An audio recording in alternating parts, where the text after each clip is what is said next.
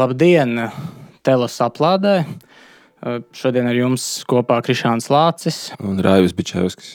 Šodien mēs sarunāsimies par vienu autoru, kura vārds arvien biežāk ieskanās Latvijas publiskajā telpā, vai vismaz lasošās publikas vidū, proti par angļu konservatīvās domas dižgaru korifeju, kādas tik vēl epitēts nevarētu izdomāt, Rodžers Krūtons, Seru Rodžers Krūtonu. Nu, jā, kurā darba tulkojums šobrīd top latviešu valodā. Proti, darbs, kā būt konservatīvam, How to be a conservative 2014. gadā izdots tādi, tāds vispārējs ievads konservatīvajā domā, tādi vispārējie principi, drīzāk specifiski anglo konservatīvajā domā, kuru lūk ar svētību no augšas vai iejaukšanos no ārpuses, eh, mums beidzot ir radusies iespēja Latvijā pārtulkot latviešu, pateicoties eh, izdevniecībai, gandrīz domnīcai Kodoka. Un, eh, nu jā, un cerams, šīs, šīs vasaras ietvaros tas tulkojums varētu arī iznākt. Uh, vispirms, varbūt neliels ievads par pašu Rodžeru Skrūto, un tad mēs varētu parunāt par vispārējiem nu, jā, viņa, šī, šī, šī darba, viņa, viņa domas principiem. Tad varbūt sarunas otrajā daļā kaut ko pakritizēt, uzdot jautājumu, vai, nu, vai tas Latvijai ir relevanti, vai, piemēram, kontinentālais konservatīvs nav kaut kas cits, un nu, kaut ko tādā garā. Bet, bet nu, vispirms, jā, par pašu Skrūto. Nu, Dzimis 1944. gadā, miris tikai pavisam nesen, 2020. gadā, mēs viņu gribējām dažādi raibi domājām uzaicināt uz Latviju. Bet, nu, kamēr mēs tā domājām, mīņājamies, Skrūtons paspēja aiziet no šīs pasaules. Nu, jā, dzimis strādniecības ģimenē, tēvs, skolotājs, sociālists, laborists no Manchesteras dokiem. Eh, pats Rodžers Skrūtons no šīs strādniecības vidas izsitās caur šo angļu grammar school, jeb eh, tādu klasisko gimnāziju, jeb privātu skolu sistēmu, kur viņš tiek pateicoties savai eh, izcilībai un, un, un darba sparam. Viņš mācās Kembridžā. Un, un viņam tā visa gaita ir tāda tipiska, tāda dumpinieciska. Viņš tur dumpojas pret savu tēvu, protams, dumpojas arī pret eh, tā brīža britu, nezinu, visu to establishmentu vai vidi. Bet uh, viņš vienmēr savā biogrāfijā uzsver, ka viņam 1968. gadā Francijā ir tāds kā lūzuma posms uh, studentu nemieros, kur viņš redz, ka tā iznīcība, kas tiek sēta ielās, un tie argumenti, ko dažādi trotskisti vai maoisti studenti, kur šobrīd ir Eiropas institūcija vadošajos posteņos, tajā brīdī jaunieši, nu, kad tie viņi saukli, tas viss uzstādījums ir tik absurds, tā vēršanās pašiem par savu kultūru ir tik absurds, ka Skrūtons izdomā, ka viņš drīzāk nostāsies otrā pusē, ka, nu, lai vai kas, bet tas būs drīzāk tajā pusē, pret ko ir šie visi ielu trakotāji, tur skolotāji un studēji, pasniedzēji metēji uz ielas un tam līdzīgi. Nu, nu, tā varētu teikt, tas viņš konvertējas konservatīvismā. Un tad, attiecīgi, nu, jā, Skrūtons tur sāk uh, rakstīt visādus darbus par estētiku, politisko filozofiju, pasniedz turpat Kembridžā. Uh, citās universitātēs tas pirmais viņa darbs par konservatīvismu nozīmi jau ir ap 80. gadiem, The Meaning of Conservatism. Uh, vienlaikus viņš arī interesanti un, man liekas, arī svarīgi Latvijai. Uh, viņš iesaistās tādā pagrīdes universitāšu tīkla austrumblokā, proti, Čehijā un Polijā. Bet nu, viņu no turienes izraida, līdz ar to viņam vienmēr visos viņa biogrāfiskajos atskatos ir šī tiešā pirmās personas pieredze. Ar totalitārismu, nu, viņu vēršās pret viņiem draugiem, disidentiem vēršās. Uh, un vienlaikus viņš arī nu, mēģina kaut kā visu šo austrumu Eiropas lietu, un, un, un sociālismu un, un komunismu problēmas cilāt pie saviem biedriem Lielbritānijā. Nu, bet tur sastopās ar neizpratni. Tas arī vienmēr ir svarīgi skrūtām tādos tekstos. Viņš norāda šo vienmēr rietumnieku apsēstību. Rietumu universitāšu tā brīža, nu vienalga Anglijas vai Francijas universitāšu pasniedzēja apsēstību ar, ar sociālismu vai drīzāk kā. Es nevaru atcerēties. Laikam, bija Raimons, Aro, Raimons Ārons, kurš teica, šis totalitārais vilinājums, kas ir intelektuāļiem raksturīgs, vai, vai jā, kā marksisms, kā intelektuāļu opijas. Uh, Uh, nu, lāk, un, jā, un tur Skrūtons tā kaut kādā brīdī viņš tur krīt nežēlastībā, jo viņš tur izdod tādu Salisbury review izdevumu, kur, kur notiek imigrācijas kritika, un tad viņi tā vēršas un novēršas. Tāpat laikā viņš turpina rakstīt visādas darbus par lapsu medībām, vīnu, cigāru pīpēšanu, kantu un, un ko tik vēl ne. Kādēļ viņi arī nereti mēdz neuzskatīt par tādu nopietnu akadēmisku filozofu, par ko es to pēc tam pajautāšu. Vai tu, vai tu Raivi, uzskati par akadēmisku filozofu? Uh, uh, jā, bet tāpat laikā, tagad uz mūža nogali, uh, kad viņš sāk izdot savus tādus apkopojošākus darbiņus par konservatīvismu, no kuriem viens arī tagad top tulkojumā. Uh, Viņu kaut kā tomēr sāk atzīt. Viņam sāk piešķirt augstus apbalvojumus visā plašajā austrumē, Eiropas telpā, Ungārijā piešķir augstu apbalvojumu, Polijā, man liekas, arī Čehijā. Lielbritānijā viņam bija agrāk piešķirta sera titula arī par nopelniem. Nu, tātad, nu, tas nav vienkārši tāds vienotzīgs gadījuma rakstura cilvēks. Savu mūžu nogalē viņu iesaista Lielbritānijas valdība tādā kā programmā, pilsētvidas re, revitalizēšanai, saucās nu, skaista, skaistuma būvēšanai. Nu, kā Skrūtona gal galā kā tādu atzītu estētikas ekspertu, kur arī ir skandāli par visiem viņa iepriekšējiem uzskatiem, par viņa neiecietību, kur viņa atceļ no tās. Tās, tās platformas, un pēc tam atkal pieņem, un beigās viņš, nu jā, viņš saslimst ar vēzi un, un, un mirst. Bet, nu, nomirstot, gal galā tas secinājums ir tāds no šīs britu vides, ka nu, tur ir liela atzinības vārda no visiem britu vadošajiem politiķiem, proti, konservatīvā partijas politiķiem. No, bijušā izglītības ministra un arī tāda augsta rangas personas, Maikla Goba. Bet, nu, protams, ar Borisu Džonsonu priekšgalā, kurš pats arī gal galā skrūto un šos atvadu vārdus nosauc par dižāko dzīvojošo, šobrīd arī aizgājušo Uh, nu, britu konservatīvo publisko intelektuālu, kura trūkums un atstātā tukšā vieta, mēs uh, to tukšo vietu tikai tagad Eiropa, nu, varbūt arī Anglas sfēra sāk tā skaudrāk izjust. Mēs arī Latvijā varam tikai tā nožēlot, ka mums neizdevās, uh, nu, neizdevās paspēt viņu uzaicināt uz Latviju. Bet, Jā, Raivis, tev došu vārdu par skrūtonu klātbūtni uh, Latvijā un recepciju Latvijā, bet uh, vispirms tas mums varbūt tev jautājums tāds provokatīvs. Uh, Jo Latvijā arī nereti vai ne ir tā, ka Skrūto neuzskata par nopietnu akadēmisku domātāju. Nu, ko tu par to teiktu? Es gribēju varbūt tūlīt sākumā pāris piezīmes jā, tieši par um, tulkojumu un par sēriju, kurā šis tulkojums, Skrūtona darba tulkojums iznāks. Un jā, otrkārt nedaudz par pašreizējo situāciju ar Skrūtona recepciju Latvijā. Uh, šos divus aspektus varbūt nedaudz ieskatiet, un tad es mēģināšu pāriešu, pāriešu pie tava, tava jautājuma. Jā. Nu, pirmkārt, tātad skrūtona darbs par, kā, par to, kā būt konservatīvam, iznāks sērijā Konservatīvās domas bibliotēka.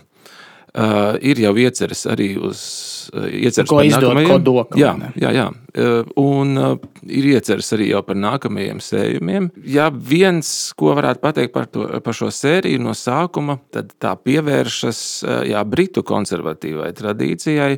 Un skaidrs, ka uh, arī pat akadēmiskajā uh, jomā, universitātes jomā, universitātes teikt, gaiteņos, līdz šim par šo britu konservatīvo tradīciju nemaz tik daudz runāts nav. Protams, jā, uh, gan jau kāds zinās, kas ir bērks, un kāds zinās varbūt pat uh, augšota ja, vārdu vai vēl kādus citus nosauks autorus, bet skaidrs, ka Latvijā līdz šim šī tradīcija tomēr ir bijusi ļoti vāja iestrādāti. Un, un skaidrs, ka ar skrūtona darba tulkojumu mēs arī mēģinām šo tradīciju pieteikt daudz, daudz nopietnāk un plašāk. Otrs, ko par šo sēriju gribēju pateikt, vēl ir tas, ka ar laiku mēs ceram šajā sērijā iekļaut ne tikai britu konservatīvās tradīcijas autorus, ja, bet palūkoties uz, uz to, ko mm, mēs varam ņemt no franču un vācu tradīcijām, ko mēs varam publicēt kā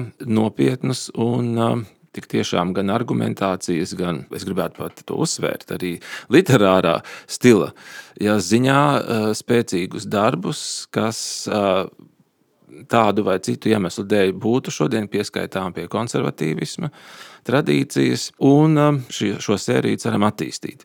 Tas, kas attiecās Krūtonu līdz šim Latvijā, tad jā, Eh, nu, vismaz divi neseni notikumi eh, var liecināt par to, ka skrūtons nav aizmirsts un ka skrūtons varētu būt eh, interesants. Viens no tiem ir advokātu biroja vadītāja Egona Rusānova un Signes Skuteles sarakstītā grāmata par skrūtonu, kas ir Ar Hariju Tumanu ievadu. Jā, kas ir nesen publicēta. Uh, un turklāt, ja šī grāmata nu, liecina par to, ka tās iestrādes bijušas jau iepriekš, vai ne? Uh, arī Egona Rusānova teikt, interneta prezencē, ja blogā vai, vai ja, advokātu ja, šī biroja mājaslapā par skrūtonu, pirms tam jau ir diezgan ilgi bijis runāts. Ticis runāts, tas ir tā ir viena lieta, un otra, nu pat šajā, nu jāsaka, pavasarī vai vasarā, arī filozofijas un ētikas nodaļā tika aizstāvēts viens maģistra darbs par skrūtonu filozofiju. Nu, kāds brīnums, ka tieši par estētiku, jā, par skrūtonu estētiku un tieši arhitektūras perspektīvā. Jā. Man liekas, iepriekš bijis arī kāds bakalaura darbs. Ja uh, jā, jā nu, tagad man tā uzreiz nenāk prātā. Pa vidas ētiku. Jā, ok, ok. Jā. Uh, bet nu, šis ir pavisam aktuāls aktuāls, eh, paveikts jau darbs, ar to var arī iepazīties Latvijas Universitātes eh, teikt, elektroniskajos resursos. Eh, un es domāju, šīs divas zīmes liecina, ka Skrūtons aizmirsts nav. Ja, un šis tulkojums sērijā Konservatīvās domas biblioteka gan jau būs tāds vēl trešais. Viens tāds mudinājums vai aicinājums ja, Skrūtonam pievērsties. Jā, kas attiecās uz jautājumu par to, vai Skrūtonu var uzskatīt par akadēmisku filozofu, tad nu, es teiktu, daudz jau kas parādās salīdzinājumā.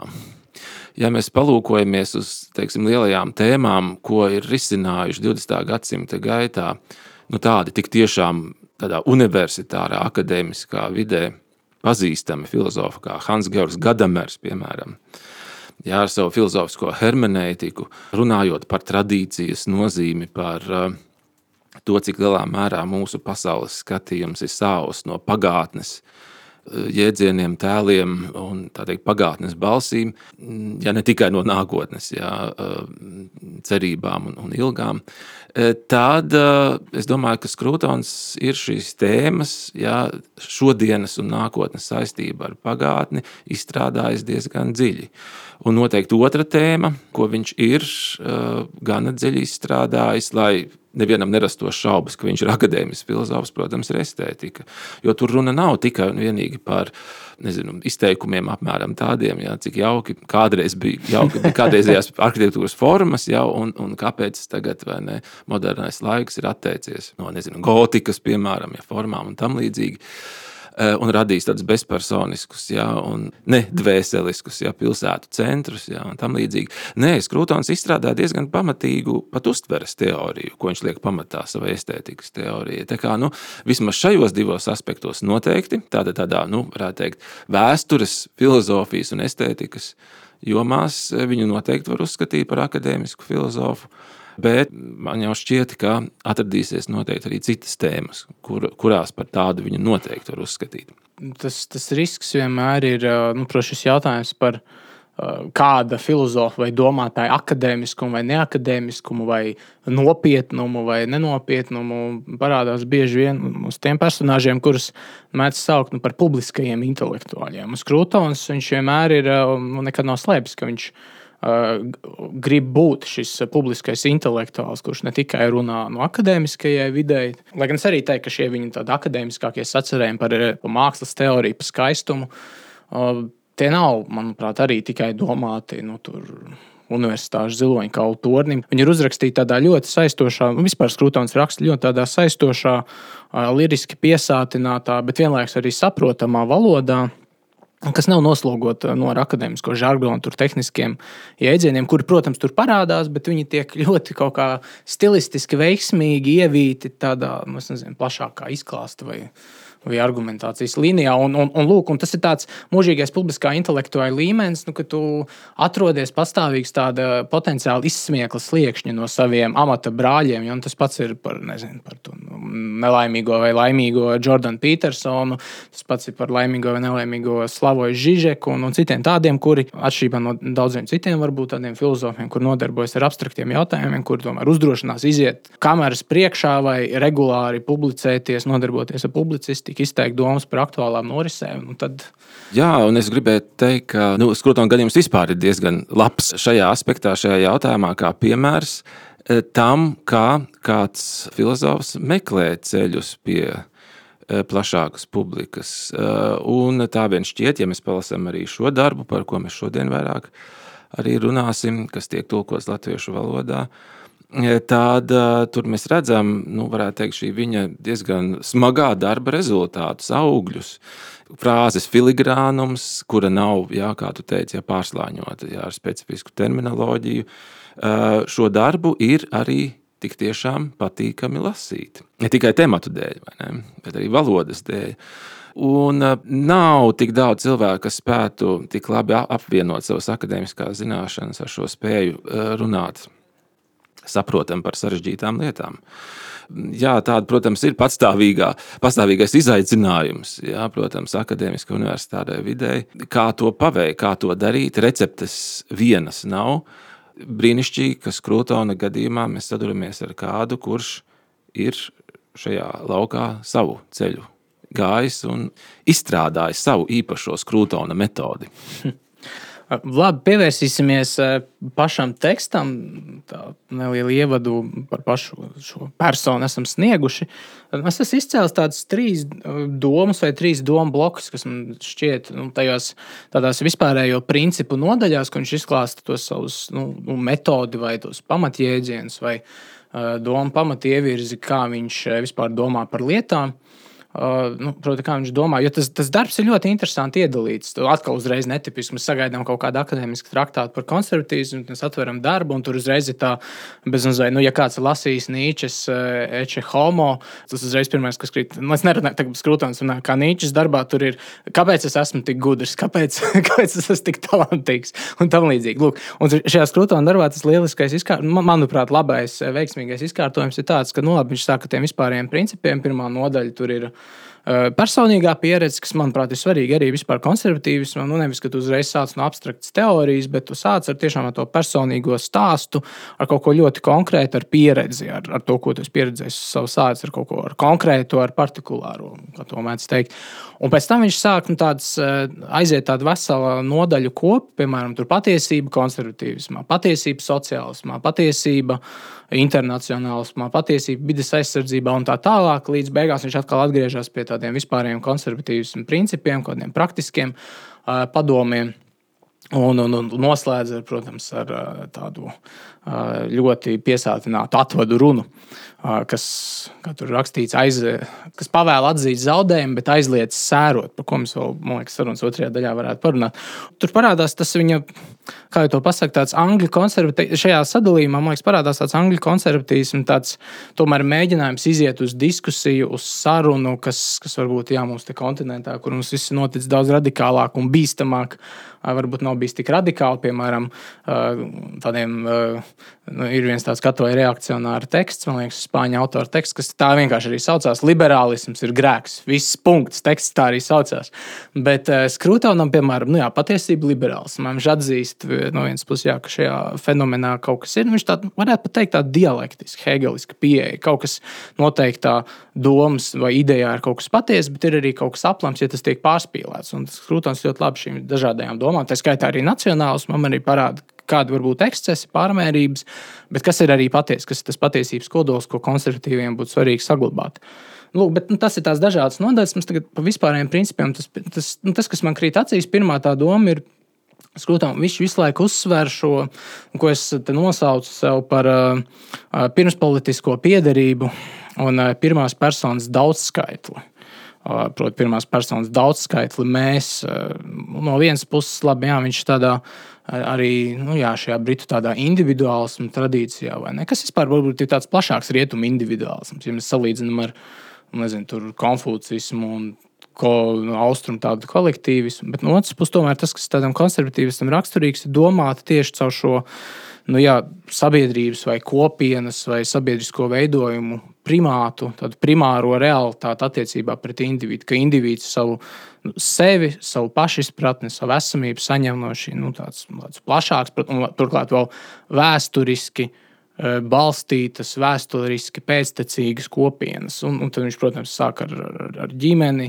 šīm ģimenes attiecībām, ar plašāku saimi, vietējo kopienu, un tad pamazām, pamazām, pamazām uz augšu. Šajā pirmajā punktā, kas jums arī šī pirmspolitiskā piederība. Kāpēc? Proti, tā ir tāda nu, raksturīga konservatīvajiem, bet ir īpaši svarīga, man liekas, arī tādiem britu konservatīvajiem polēmika pret uh, nu, tādu abstrakto sabiedriskā līguma teoriju, kur tiešām uz cilvēkiem skatās kā uz tādiem nošķirtiem, savstarpēji konkurējošiem individiem, kuri tad vienā brīdī nu, visu karš pret visiem Hops iztēlotajā dabiskajā stāvoklī saprot, nu, ka šādi nevar turpināt, nevar visu laiku dzīties pēc savas pašas sautīgajām interesēm. Nu, tad lūk, šie atomāri indivīdi sametās kopā un vienojās, protams, nu, pieņemt tādu sabiedrisko līgumu vai vienošanos formu, ierobežot paši sevi savu kaut kādas patvaļas pašizpausmes, lai nenogalinātu viens otru un lai dibinātos kaut kāda sociālā un sabiedriskā kārtība.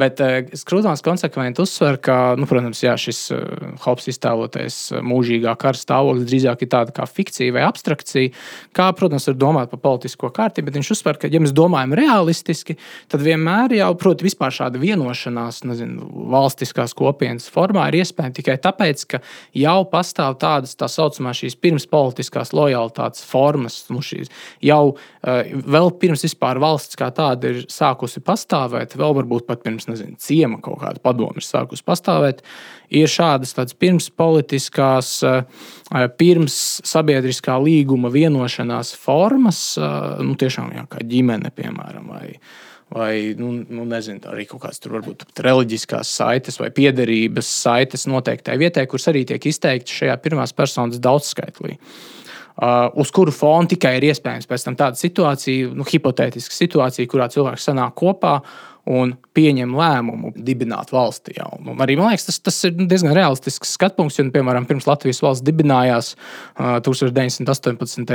līdz 20. gadā, pirms tam uh, šie cilvēki jau lielā mērā sevi atzina jau par savējiem. Līdz ar to kaut kāda nu, tāda sanākot politiskā sapulcē, viņi nenogalināja viens otru. Viņi jau atzina, mēs esam latvieši, mums ir kaut kas kopīgs, un šīs uh, nu, jā, pirmsvalstiskās lojalitātes formas. Un, Jā, jā, noteikti šī doma ir svarīga skrūtonam. Eh, un vispār es gribētu teikt, tādai konservatīvai, plašākā nozīmē tradīcija arī Eiropā, jo Eiropa, Eiropas vēsture nu reiz ir ļoti, nu, kā lai saka, turbulenta bijusi daudzus gadsimtus, jā, eh, daudzu gadsimtu garumā un eh, ilgumā. Eh, vienmēr arī filozofi, arī tieši politikas jomā, politiskās filozofijas jomā ir meklējuši ja to, kas uz dažādu lielu lūzumu, krīžu un karu fona var cilvēkiem tomēr sniegt kādu vai nu mierinājumu vai pamatu dzīvei, vai šo dzīvi neiemest galīgā haosā. Eh, un, protams, var saprast uz šī fona arī, arī tādus, teiksim, eh, sabiedriskā līguma uh, teorētiķus, ja, kuri mēģina uz nepārtraukto pārmaiņu un transformāciju fona radīt kādu, ja, kaut arī teorētisku konstruktu, no kā varētu sākties. Ja, kāda, kāda kārtība varētu sākties, kāds, kāds jauns, um, jauns sabiedrības attīstības posms.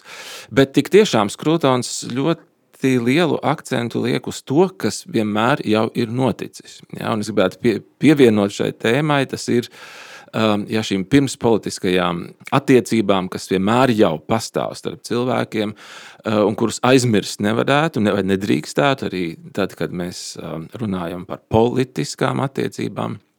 Pievienot šīm attiecībām arī vēstures tēmu. Arī vēsture ir kaut kas tāds, kas vienmēr jau pastāv. Jā, kas nāk līdzi, jā, kas no nāk līdzi, mēs jā. izaugam. Jā, izaugam, kas vienmēr nāk teiksim, no mājām līdzi dotās zināšanas, jā, vai zināšanas un prasmes un, un dzīves, arī tādas netveramas lietas, ko nevienmēr izdodas līdz galam racionalizēt. Uh, Eh, kas vienmēr jau pastāv, kas vienmēr ir iekļautas, bijušas, eh, kas vienojušas cilvēkus, kas nodrošinājuši šo, varētu teikt, kārtības un, eh, un tādas orientēšanās spējas minimumu jā, pasaulē.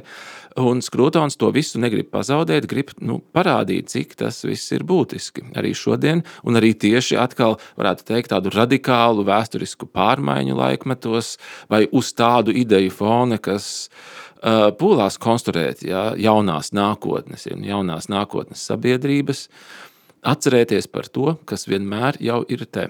Nu, tas tāds raksturīgs viņam piemērs, kur šīs noklusētās kaut kāds līdzi jau vienmēr gatavās nākošās zināšanas. Līdz nākošās zināšanas ir, nu, tā varētu teikt, iekodēts. Viņš tā labi apraksta, piemēram, manieres sēžot pie galda, ka tur ir vesels tāds Eh, rituālu, uzvedības eh, normu, eh, paņēmienu un žestu kopums, ko nozīmē, piemēram, laba maltīte vai laba saruna pie galda, un arī pareiza uzvedība, kā, pareiz uz, kā padot tur dakšiņu un nazīti, kā uzrunāt tur, nezinu, galda, namatēvu. Nu, nu, un, un, kad, kad tas viss līdzi nāk, tas, ko viņš sauc angļuiski par tacit knowledge, šīs noklusētās zināšanas, kas ir tāda, nu jā, kā bagāža uzkrājums, atbildes uz, nu, kā viņš to raksta, atbildes uz noturīgiem jautājumiem cauri gai, laika gaitai, kurus tad eh, nu, tiek nodots no paudzes uz paudzi jau šādā nu, bezmazliet tādās taktilās žestos un kustībās. Jā, un turklāt, vai ne, ja mēs kaut kā izmantojam vēl šo pašu piemēru ja, par galda kultūru, tad um, skaidrs, ka reducējot ja, teiksim, labas uzvedības šos, šīs, šīs nezinu, manieres, ja, paņēmienus, kas ir iestrādāti gad, gadsimta pat gaitā vai vairāku pauģu gaitā, līdz tikai nezinu, nu, kaut kādam kompendijam, ja, ko mēs varam izlasīt pāris Eh, pāris stundās, un tagad sev šķist, ja izglītoti tajā, ja, ka, ka, ko nozīmē labi uzvesties. Eh, tas, protams, eh, būtu ārkārtīgi šo lietu trivializēt, vai ne? Jo tiešām Skrūtons runā par to, kas ilglaicīgā laika periodā noticis starp cilvēkiem un satur viņus kopā un kļūst, kā viņš vēlāk tur grāmatā arī izteiksies par ne tikai to, kas ir noklusētās zināšanas, bet kļūst arī par veidu, kā dzīvot, kuram nevajag citu attaisnojumu. Attaisnojums ir pats šis jau veids, ne, kas ietver gan tradīcijas, gan rituāla, gan, gan gribētu teikt, arī tādas nu, um, izvērst arī refleksīvas formas par to, uh, kā uh, veidot dzīvi uh, un veidot dzīvi kopā. Man liekas, tas, ko tu saki, saki tagad par skrūtām, ko tu izcēli, tas labi sasaucās ar to, ko viņš saka, ka, nu, ka konservatīvisms ir vairāk, no nu, angliski tāds vārds tiek lietots sentiment, proti konservatīvisms vairāk ir jā, dzīves izjūta, kā viņš to raksta, vairāk, nu jā, šīs tādas nojautas, nu jā, kaut kas varētu, nu, negribās teikt iracionāls, bet nu, kaut kas tāds, kas ir vairāk tajā, nu, dzīvotības, tādā kā prakses līmenī. Kādēļ viņš saka, ka nu, tādā plašākās politiskās cīņās konservatīvs nereti bieži vien tāpēc būs šķitīs garlaicīgs, jo, jo konservatīvismam, proti, nav plāna, nav politiskās tādas īsti programmas, kā viņš saka, jo nu, visi citi pasaules mainītāji nāk ar konkrētiem uzstādījumiem, ar konkrētu plānu un schēmu. Mēs darīsim to un to, lai sasniegtu to un to. Ar kaut kādiem teorētiskiem, abstrakti, varbūt jā, geometriski deducētiem principiem. Jā, kā viņš izsakās par franču revolūcionāriem. Jā, par, par to es pēc tam pacitēšu. Jā, nu, ka, ka, ka, ka franču revolūcionāriem ir šī geometriskā politika, proti, tāda abstrakta, taisno prāta līnija. Un es saku, ka nu, tāpēc, jā, tāpēc lūk, nu, konservatīvs vienmēr būs garlaicīgs, jo konservatīvam ir ļoti grūti nu, tā pamatot eh, vispār savu pozīciju. Principā, jo konservatīvais to dzīvoja, un tā vienmēr ir bijis. Un, un tajā brīdī, kad tu skrūtons vairāk kārt arī citās sesijās uzsver, ka tajā brīdī, kad tu mēģini par šo dzīvotību, vai šo dzīves formu, vai šo savu nezinu, māju mīlestību eh, runāt un to pamatot un kaut kā leģitimēt, iesaistoties raksturīgajā Eiropas filozofiskajā diskursā, nu, kā, tas ir tas, tāpēc, ka tā Uh, viņš skrūtās, ka tajā brīdī zūd kaut kāds no tās, kaut, kaut kāds elements no tās nu, jā, dabiskās vai maģijas vai tās tādas jā, nu, burvīguma. Jā. Bet uh, tur noteikti blakus vajadzētu pateikt arī to, ko Skrūtons savā, es gribētu teikt, britu tradīcijā ļoti raksturīgajā, lieliskajā stilā saka, atsaucoties gan arī uz citiem autoriem, proti, ka ik viens cilvēks ir labējis jautājumos, kurus pārzina. Jā, vai ne? Tad vajadzētu redzēt, redzēt šajā nu, konservatīvā konservatīvās tradīcijas nostādnē akcentēt ja, šo no mājām līdzi nākošo neizteikto ja, prerefleksīvo zināšanu, akcentu, akcentēt arī to, paralēli tam, vai mēģināt šajā akcentā kopā domāt to, cik lielā mērā šīs neizteiktās zināšanas ir tik tiešām arī tās, kuras var eksplicēt, jā, kuras var padarīt eksplicējamas, var padarīt par to, ko kāds tik tiešām pārzina.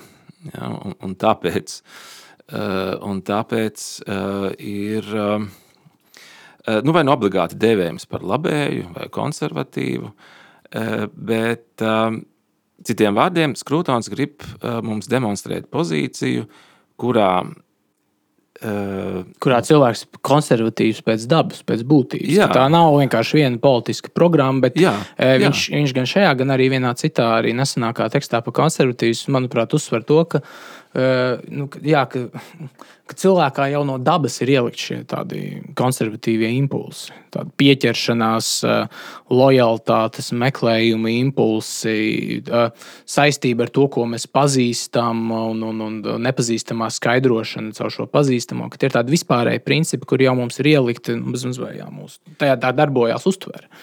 Jā, un tad uzreiz mums nākās arī vārdam konservatīvs piešķirt citu definīciju un citu nezinu, mērogu tik tiešām kāds saka, ja skrūtona gadījumā mēs saskaramies ar, ar cilvēku, kurš domājot par iepriekš doto, ja, par pre-refleksīvo, nonāk pie tā, ka konservatīvisms nav tikai un vienīgi politiska programma. Skrūtons sauc konservatīvismu arī nu, par mīlestības filozofiju. Bet šo mīlestības filozofiju viņš tā arī saprot, nu, ka konservatīvais pieķerās jā, lietām, kas mums patīk, kas mums saista, kas lietas, kas mums ir veidojušas, kuras mēs pazīstam, šajā tuvējā apkārtējā vidē.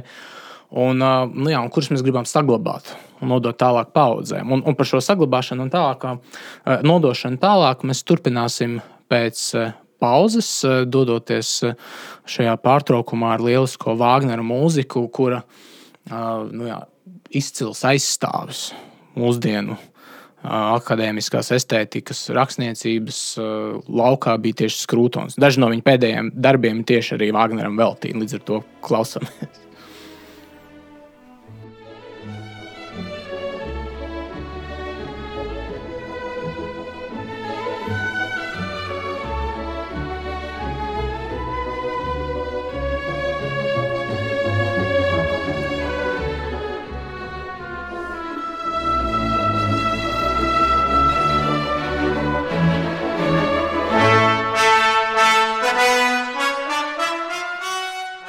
Esam atpakaļ pēc šīs uh, trauksmainās uh, Vāgnera pauzes. Uh, īsti skrūtoniskā garā novērtējot to, kas ir skaists, un noraidot to, kas nav skaists, novērtējot to, kas ir patiesis, un noraidot nepatieso.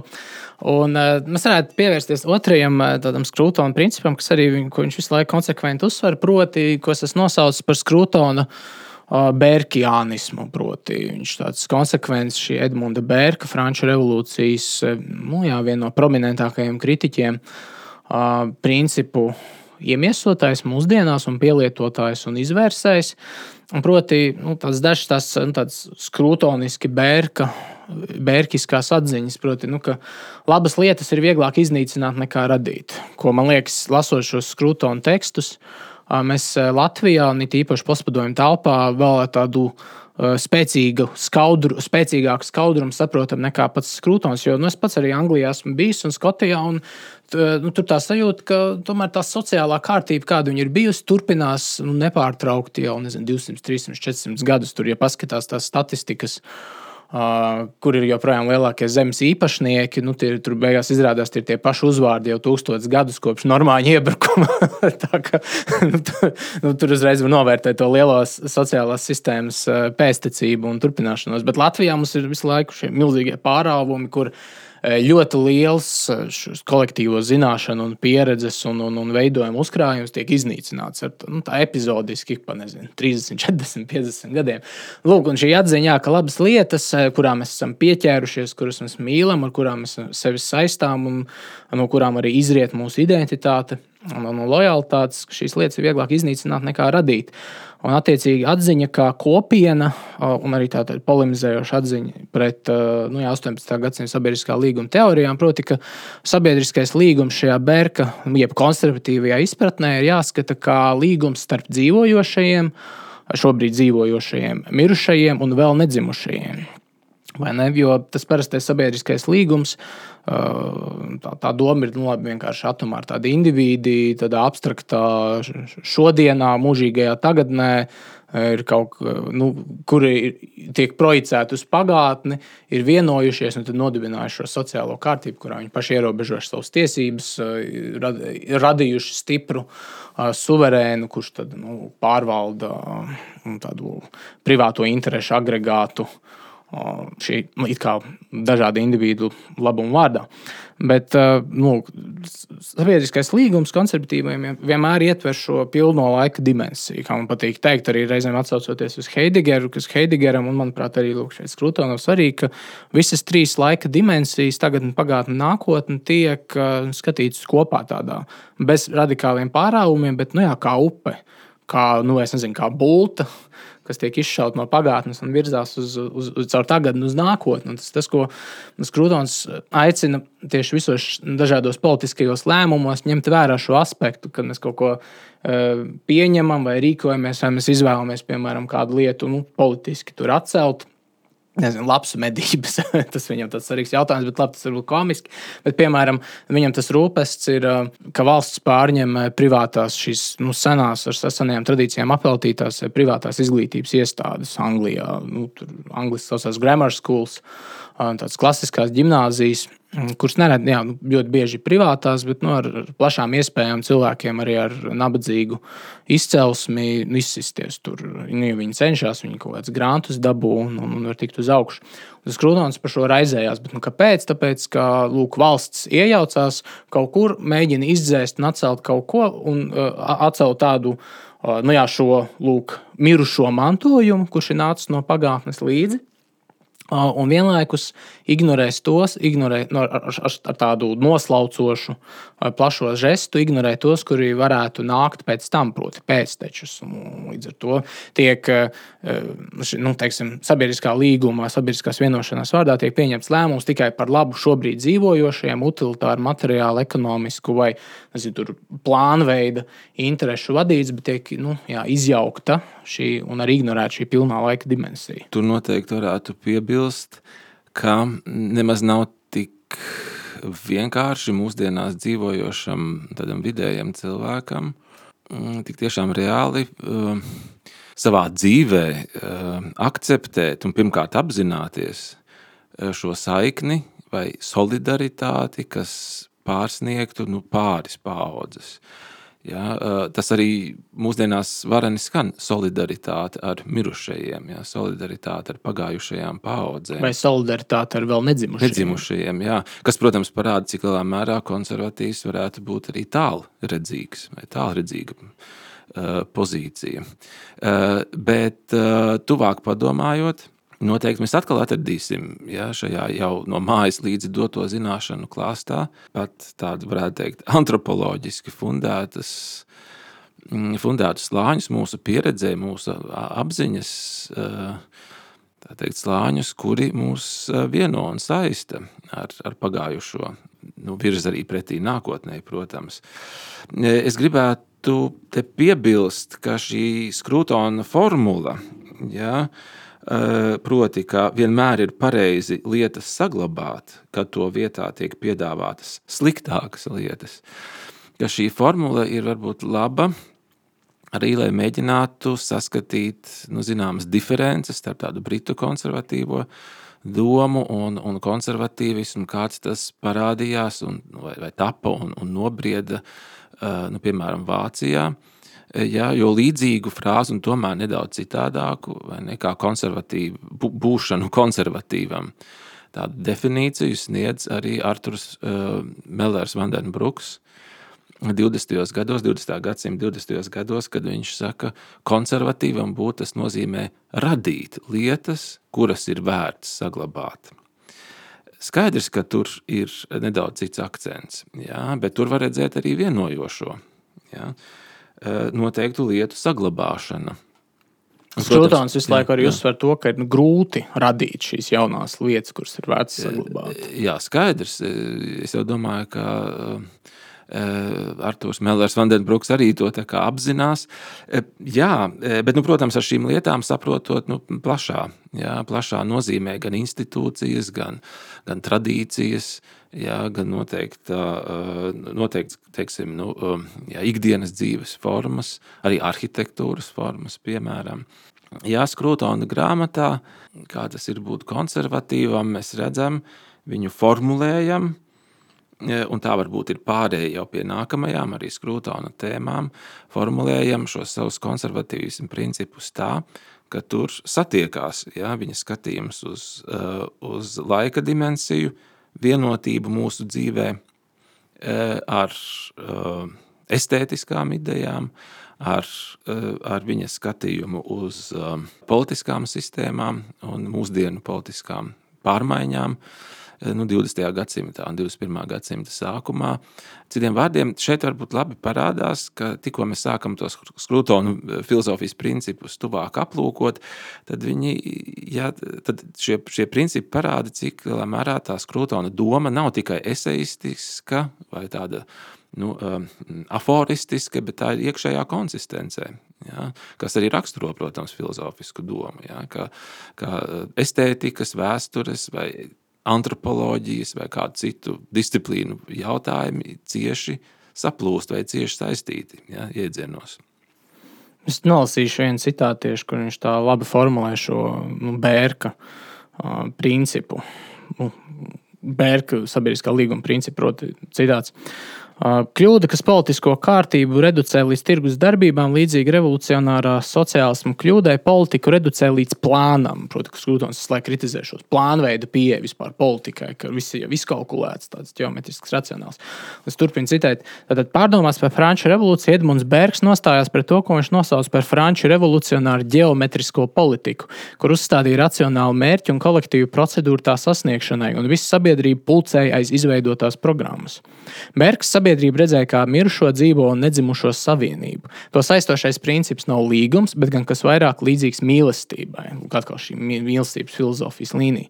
Tad sabiedrība ir kopīgs mantojums, kuru labad mēs mācāmies ierobežot savas prasības, redzēt savu vietu lietu kārtībā kā daļu no nepārtrauktas došanas un saņemšanas ķēdes un atzīt, ka labās lietas, ko mantojam, mums nav dots un ļauts sabojāt.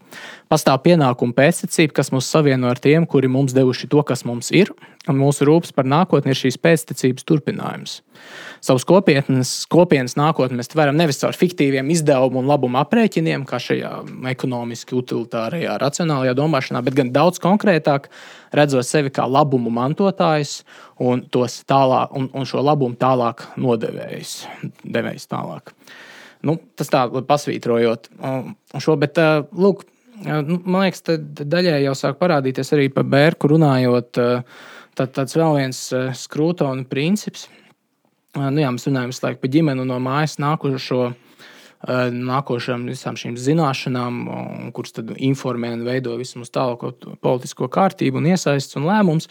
Krūtons Bērns konsekventi izmanto, lai uzsvērtu šo pilsoniskās savienības ideju. Mums, mēs, mēs nereti arī Latvijā nu, tiek, tiek, tiek potēts, ka pilsoniskā, pilsoniskā sabiedrība ir arī nu, tāds, tāds liberāls, demokrātisks uzstādījums, bet veids, kā Krūtons par to runā, no vienas puses Latvijā varētu būt tāds svešāds jo mums, jo mums totalitārisms ir aizslaucījis visas šīs bezgalīgos šos, šos daudzos un daudzslāņainos pilsoniskās sabiedrības šūniņus, jeb kā Edmunds Bergs to sauc, Little Platoons of Society, tāds mazos pulciņus, mazās kopas, kur dažādi ir satīklojusies pilsoniskā sabiedrība un kur vispār sociālā kārtība veidojās no apakšas uz augšu, no ģimenes, caur visādām šādām vietējām piedarības formām, caur šādām pilsoniskās biedrošanās, dažādiem pulciņiem, nu, kas te tiek uzskaitīts. Vietējie klubi, biedrības skola, darba vietas, baznīca, komandas, armijas pulki, kori, deju kolektīvi, ugunsdzēsēju biedrības, universitātes, nu jā, tās sociālās zināšanas un kārtība šādi caur šiem dažādiem tīkliem veidojās un projicējās uz augšu. Savukārt, nu, kā viņš saka, tādās totalitārajās sistēmās pirmais, kas tiek darīts, Um, nu, īpaši, protams, komunismā viņš tur min Ungāriju. Piemēram, pirmais lēmums, kas tiek darīts, ir izsvēpēt, aizsvēpēt, noslaucīt pilnībā prom šo, šīs dažādas autonomās, biedrošanās, pašorganizēšanās un pašiniciatīvas formas, kur cilvēki vispār uh, caur, šādiem, nu jā, caur šādām biedrošanās formām vispār praktizē un īsteno savu cilvēcību kā sociālas būtnes, kurām patīk tur miedarboties, saistīties un bieži vien, kas arī skrūtonam svarīgi šajās tādās autonomos pulciņos, saistīties kopā bez kaut kāda virsmērķa, bez kaut kāda tāda vispārēja tāda plānveida nolūka kaut ko sasniegt vai īstenot, kā tas, piemēram, ir armijā vai, vai uzņēmumā, bet nu, tīri nezinu, būt kopā, svinēt sevi, apliecināt nezinu, savu ugunsdzēsēju piederību, vai tur uh, vienkārši padējot kopā, vai nu, kā Britiem, varbūt tur līniju ideju pensionāru klubiņos. Un, un man liekas, tas ir tas, uh, nu, lasot šo skrūtonu tekstu, tekstu, tas ir tas, ko man liekas, latviešu lasītājs varētu gan mācīties, gan novērtēt, gan vienlaikus arī atcerēties, ka mums pirms nu jā, Padomju Savienības tomēr bija Jā, jau sākot ar, es teiktu, tiešām 19. gadsimta otro pusi mums veidojās ļoti bagātīga šī pilsoniskā sabiedrība. Tiešām ar dažādiem, nu, kā tas Bergs sauc, šiem dažādiem mazajiem sabiedrības pulciņiem, pašorganizācijās, pašorganizācijas tādām biedrībām, protams, Latviešu biedrība kā tāds prominentākais piemērs, bet nu, vēl visādas lauksainieku, tur pašiniciatīvas biedrības, kooperatīvi. Jā, nu, tur noteikti var uh, pavisam skaudri redzēt, ko nozīmē, ja kādu teici, ka uh, šis um, uh, ne, sabiedrības, pilsoniskās sabiedrības pašiniciatīvas slānis uh, tiek izdzēsts nu, mūsu pašu skaudarā Latvijas pieredze ar totalitāru režīmu, proti ja, no PSRS nākošajām represijām. Uh, es tieši pārlasot ja, nodaļas mm, Skrūtona grāmatā, pie viena citāta pievilku. Ja, piezīmi atceries Latviju. Jā, atceries Latviju. Proti, tas ir citāts no Skrūtona, e, kuru viņš saka, vērojot, kā viņš saka, jaunās demokrātijas Čehoslovākijā un Polijā. Jāsaka. Proti, viņš raksta, vērojot jauno demokrātiju nepastāvīgo raksturu, es spilgti redzēju, cik nesvarīga demokrātijas daļa ir vēlēšanas salīdzinājumā ar noturīgajām institūcijām un sabiedrisko garu, kas no ievēlētajiem politiķiem prasa atbildību. Tad tieši šī pilsoniskā sabiedrības aktivitāte jau arī rada kaut kādu, varētu teikt, nu, sabiedrības smagsvaru, tādu skatienu, ja, tādu, nu, tādu pietiekami ja, prasīgo un arī, nu, varētu teikt, ja, šo sabiedrības garu iemiesojošo skatienu, kas vēršas pie politiķiem. Jā, interesanti, ka Skrūtons uzsver ja, to, cik lielā mērā vēlēšanas ir nu, varētu teikt, ne tik lielā mērā primāras, bet drīzāk varbūt pat sekundāras salīdzinājumā ar šo sabiedrisko garu. Ja to mēs redzam arī labi, lūk, jauno demokrātiju, Austrumēropas demokrātiju gadījumā, ka jā, cilvēki to paši arī apzinās. Jā, tad, kad viņi iet pie vēlēšanu urnām, jā, un saka, nu, ko gan tas izlems, jā, gan tas no, jā, kas, kas no tā mainīsies. Jā. Jā, tad tik tiešām tāpēc, ka vēlēšanas tik daudz nespēja mainīt, cik varētu mainīt vai varētu ietekmēt šis ilglaicīgā periodā eh, satīklotais, koptais, jā, pilsoniskais gars.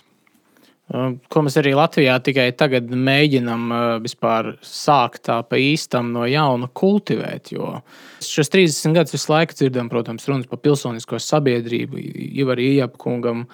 Tā ir, liekas, viena no disertācijas tēmām par pilsonisko sabiedrību. Bet uh, Tā problēma Austrumē, Eiropā vai ne?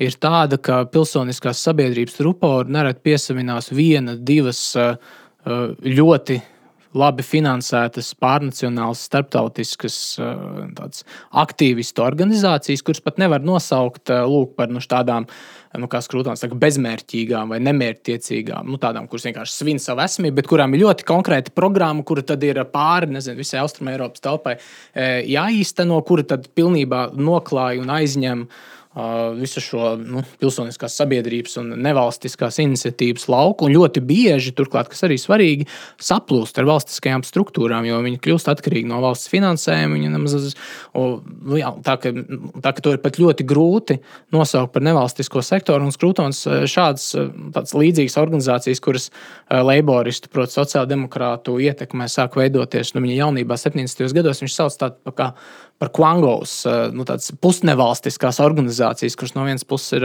nevalstiskas, no otras puses viņas ir tik ļoti cieši savijušās ar dažādu ekspertu, valsts naudas varu, ka nu, tur ir grūti atšķirt. Un, man liekas, ka Latvijā ar pilsonisko sabiedrību tā ilgstoši bijusi šī problēma, ka mums tikai tagad varam, piemēram, arī konservatīvā flangā sākt redzēt nu, tādu vismaz tīklošanās iniciatīvu, kaut kādas tādas neatkarīgas iniciatīvas, kur cilvēki tiešām, piemēram, spēj kā nesen uh, Andu Kudoru grāmatai vienkārši samest naudu un lūk, nopublicēt. Tas ir konservatīvs pētījuma centrs, kas arī nesen izveidojās. Tas ir tāda, tāda tipiska, es krūtons par to tikai priecātos. Tāda tipiska lūk, šīs pilsoniskās sabiedrības in, iniciatīva, ko viņš tikai apsveiktu, bet arī nu, teiksim, mūsu austrumu Eiropas un Latvijas pieredze, manuprāt, arī parāda, cik grūti un sarežģīti vispār ir lūk, atjaunot šo tīklošanās ekosistēmu, kas, uh, nu, ja viņi ir iznīcināti un noslaucīti, tas vienmēr ir pirmais impulss, lūk, kas mums vienmēr Latvijā ir bijis, ir nu, skatīties vienkārši uz valsts varu, nu, lai valsts pa visu parūpējās, ko Skrūtons konsekventi kritizē, ka ne, tas nav tas īstais ceļš. Jā, jā taisnība. Un jā, tad, kad tu saki, ka jā, šīs runas ar, par pilsonisko sabiedrību Latvijas gadījumā, bet nu arī plašāk, vai ne Austrumēropas gadījumā, uh, šobrīd drīzāk saplūst ja, kaut kādā neatšķirtināmā kamolā ar noteiktu ideju. Noteiktas idejas sludinošām institūcijām, ja, nevalstiskām organizācijām. Tad atkal Skrūta un te var citēt, tad, kad viņš saka, tiklīdz pilsonisko biedrošanos ierauj dižajā progresa iecerē. Tas ir jā, noteiktas idejas, ko pārstāv jā, noteikti. Šis šīs mega uh, nevalstiskās organizācijas. Jā, organizācijas jā. Tiklīdz pilsonisko biedrošanos ierauj dižajā progresa iecerē, tiklīdz nākotni ieceļ par valdnieku pār tagadni un pagātni, tiklīdz dižais mērķis ir nosprausts, un valsts vai partija ved visus pilsoņus tam pretim, viss nonivilējas līdz līdzekļiem, un cilvēka dzīves mērķi atkāpjas privātumā un tumsā. Jā, tur atkal ir tā tāda um, jā, nu šķietami uh, vajadzīgā Uh, lieta, proti, ja, tas, ko mēs uh, vēlētos, pilsoniskā sabiedrība, savu tīklošanos, tā tiek pakļauta noteiktu ideju lielai ideoloģiskai varai, uh, par kuru šo varu īstenībā vietējos kontekstos mēs neko pat daudz nezinām. Tā nu pat netiek politiskos gaitņos īpaši arī tematizēta. Ja, ja šī vara saplūst ar pašu jēdzienu, mm -hmm. pilsoniskā sabiedrība. Ja, tad, okay, tātad eh, to aizstāvēt, to, to atbalstīt, nozīmē kopu pilsonisko sabiedrību, bet tas tā nav. Ja. Es, es nolasīšu vienu citātu, kur Skrūtons tieši iezīmē šo, nu, lai las, eh, klausītāji saprastu, iezīmē šo kontrastu starp eh, tādu autentisku autonomu pilsonisko biedrošanos un to, ko viņš pretstata kā no, nu, no nu, angliskajā Civil Association, šī pilsoniskā biedrošanās, un, un, un ko viņš pretstata kā Enterprise Association, ar ko mēs te tulkojot, nu, mēģinām saprast, mēs to tulkojam vai kā pasākumu biedrošanos vai darījumu biedrošanos. Es nolasīšu to citātu, lai, lai jūs saprastu, bet nu, jā, viņš šo nošķīrumu vai dalījumu paņem no, nu, principā, paņem no augšata, ko mēs uzskatīt par tādu akadēmisko angļu konservatīvismu teorētiķi, bet nu, kurš darbojās vairāk 50. un 60. gados. Labi, es citēju. Darbā par cilvēku uzvedību augšup savu politiskās kārtības teoriju balstījusi pretstats starp pilsonisko biedrošanos un darījumu vai pasākumu biedrošanos, šo Enterprise Association.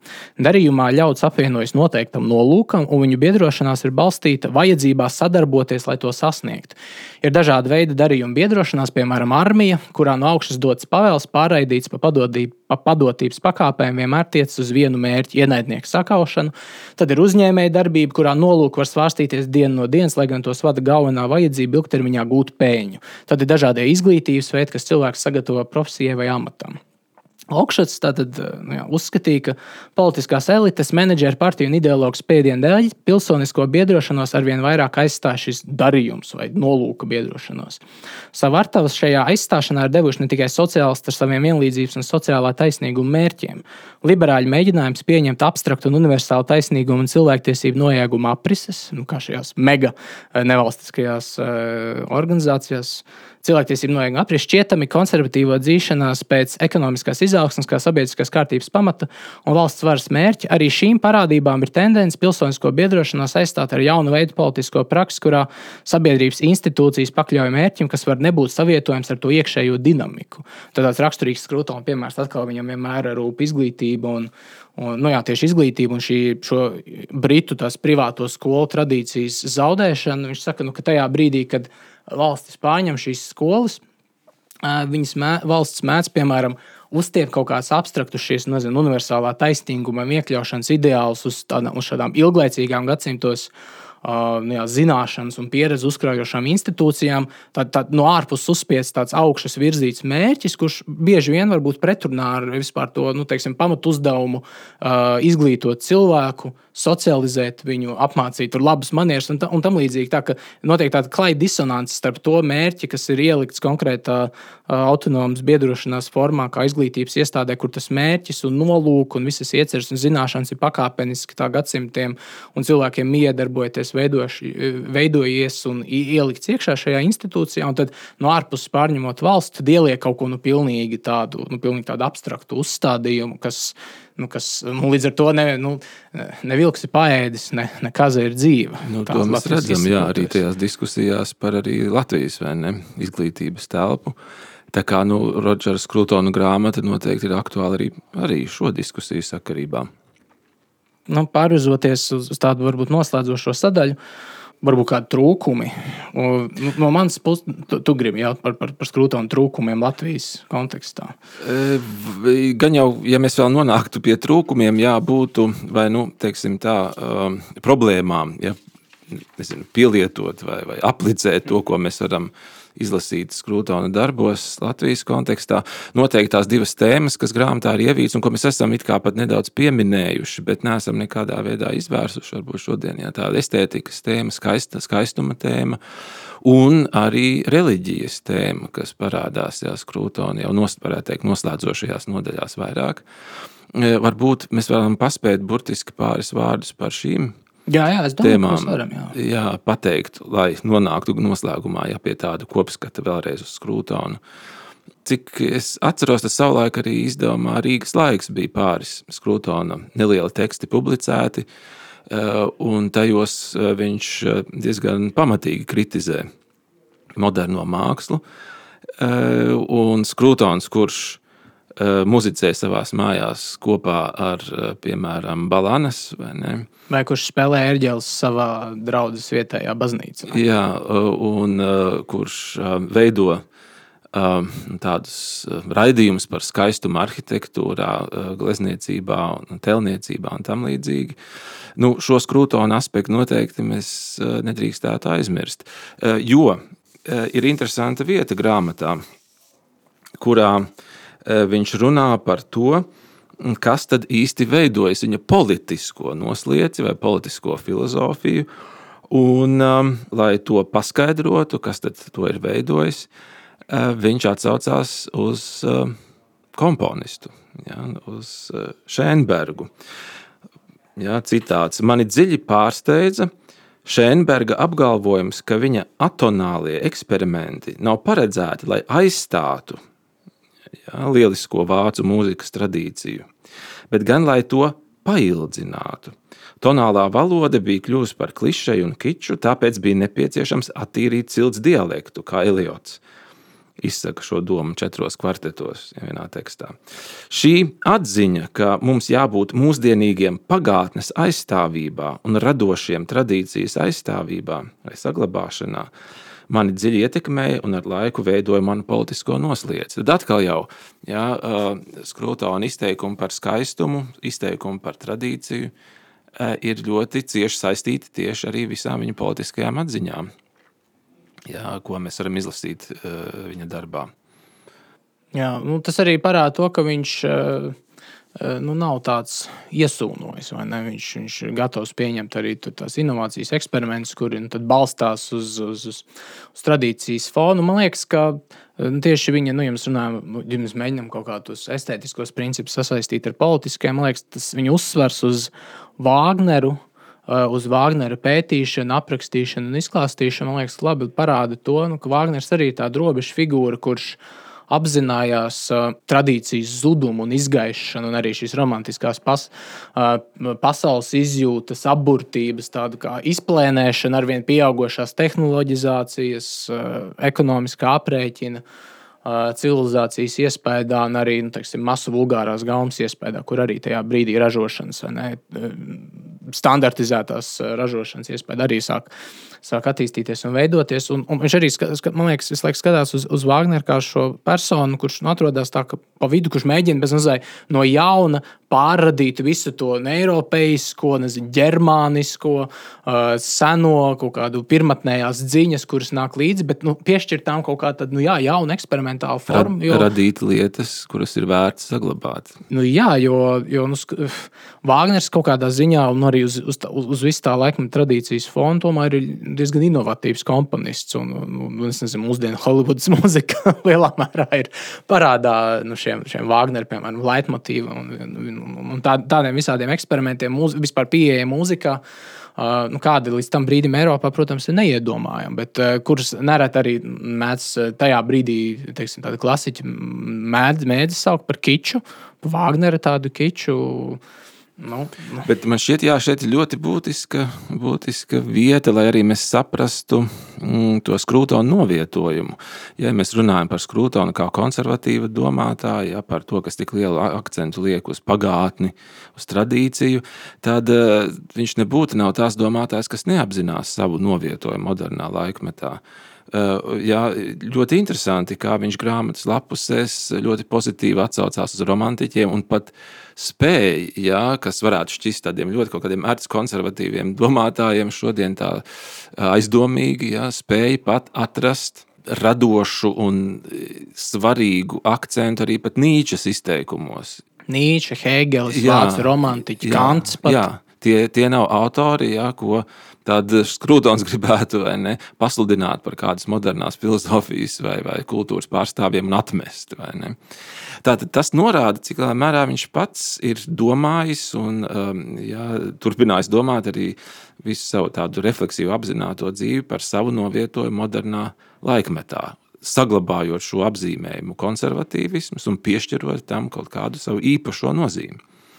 Un, man liekas, ļoti labi šo pašu skrūtonu personisko novietojumu, tādu sāsinātu pašapzināšanos, nu, gan topošajā tulkojumā, gan, man liekas, īstenībā šobrīd jau latviešu telos pārpublicējumā var lasīt tieši šajā pēdējā nodaļā grāmatas, kur nu, prot, tas ir atvadu vārdi, kas aizliedz aizliedz uh, sērot, bet atzīst zaudējumu vienlaikus. Un tur var redzēt to, uh, to momentu, ko daudz, teiksim, Eiropas gan kontinentālie reakcionāri, gan arī nu, tādi reliģiskie reakcionāri neatzītu. Proti, nu, nu, nu ka ir bijusi tiešām šī tāda kaut kāda ideālā, nu, nosacīta ideālā sociālā sistēma un pasaule, ko, no kuras tad notikusi radikāla novēršanās, nodevība, un ka mēs tad lūk, varam kaut kā kritizēt šo nodevību, nezinu, apgaismību, piemēram, ko pamatot to arī dara, vai ne? Dažādi katoļi, gan luterāņi, gan nezinu, dažādi reakcionāro tradīciju pārstāvji, pamatot kritizē apgaismību,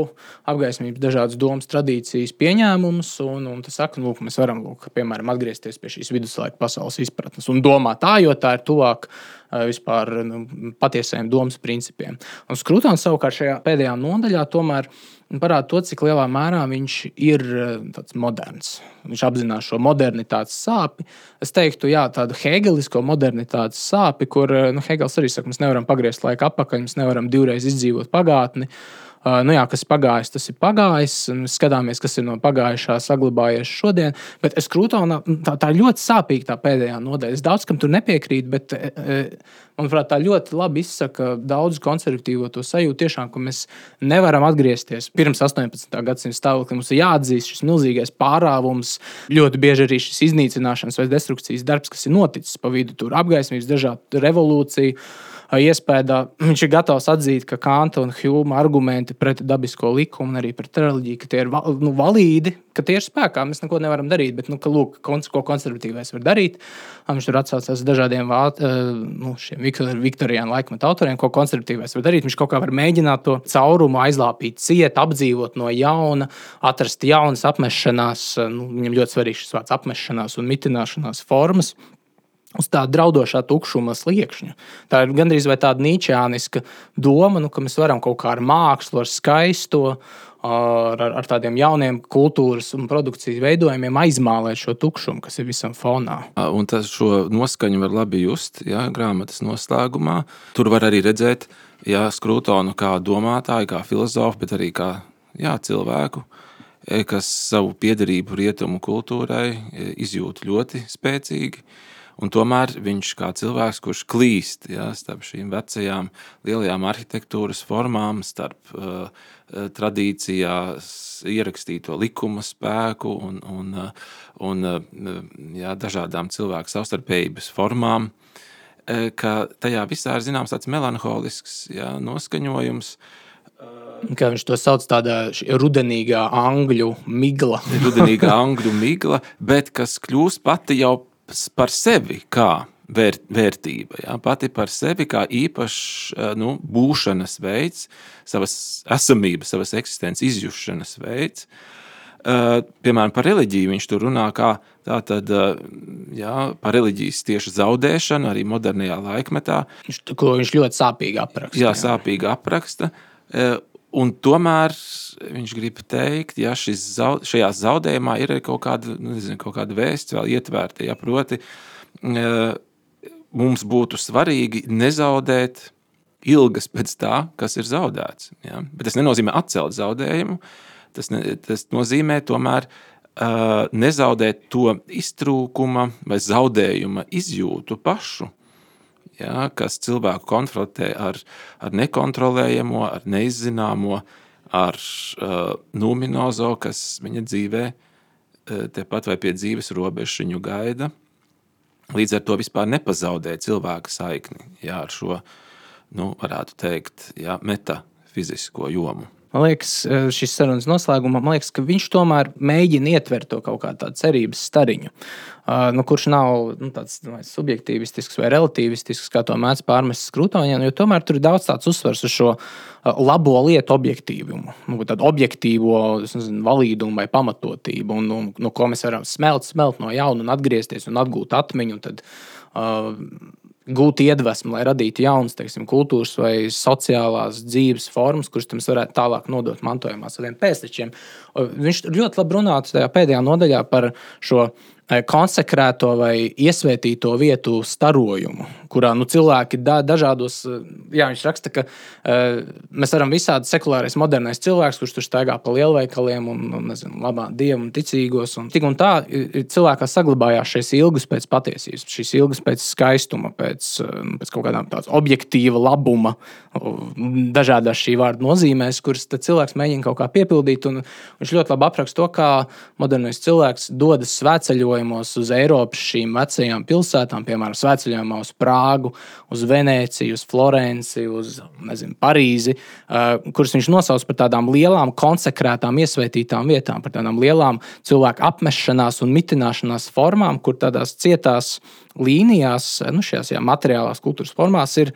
Nu, jā, nogūlis, šis uz, uzkrātais starojums vai svētuma starojums. Un ka, un, Un, un jā, Skrutons raksta, ka tas ir zaudēts, bet no otras puses tur tāda spēlēšanās, ka tas starojums jau tur ir. Viņš ir iekodēts šajās kultūras formās, viņš ir objektīvi valīts. Mums ir tikai, nu, jā, nu, kā viņš dažādi raksta, mums ir jāatgūst šī auss vai uztvere, vai jāiemācās no jauna skatīties, lai dodoties svētceļojumā uz šīm konsekrētajām vietām, kuras nav tikai Eiropas teiksim, senās pilsētas, bet arī uh, lauku vide lauku vide, nu, kā, kā viņš apraksta, kā lauki ir veidojušies, tur mazie ieliņas, celiņi, apstādījumi, kas arī dažādu cilvēku miedarbības, sociālās organizēšanās, pārdzīvojumi, pieredzes uzkrāšanas rezultātā ir veidojusies tā ainavas seja, eh, ka mēs varam pa to ceļot.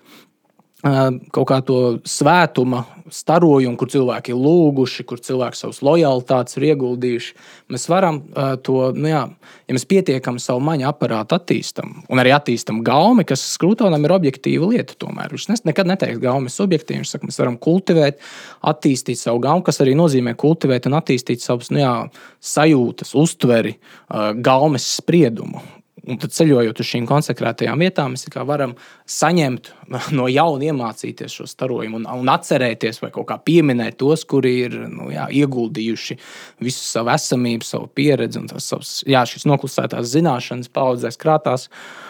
Nu, jā, materiālās kultūras formās. Tāpēc viņam ir tik svarīgi saglabāt šo pareizo, labo mākslas formu kā tādu nu, jā, redzamu vizuālu izpausmi tam nu, jā, zināšanām.